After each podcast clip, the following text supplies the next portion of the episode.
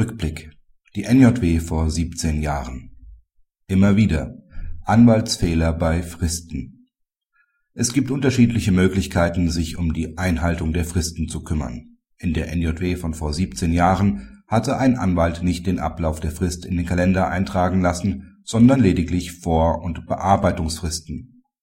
Einer solchen Methode hat das BAG NJW 1993 Seite 1350 aber eine klare Absage erteilt.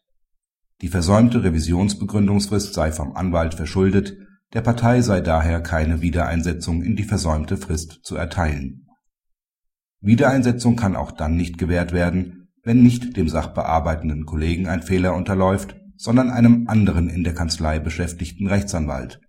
In einem aktuellen Fall hatte ein Kollege des Rechtsanwalts das Empfangsbekenntnis über die Zustellung einer Gerichtsentscheidung unterzeichnet und es zurückgesandt, ohne eine ordnungsgemäße Dokumentation in der Handakte und Fristenkalender sichergestellt zu haben. Da sich die Vollmacht auf jeden der in der Kanzlei beschäftigten Anwälte bezogen habe, müsse die unsachgemäße Dokumentation der Partei nach 85 Absatz 2 ZPO zugerechnet werden, so das OVG Saarlouis NJW 2010 Seite 1473 in diesem Heft und lehnte daher den Wiedereinsetzungsantrag ab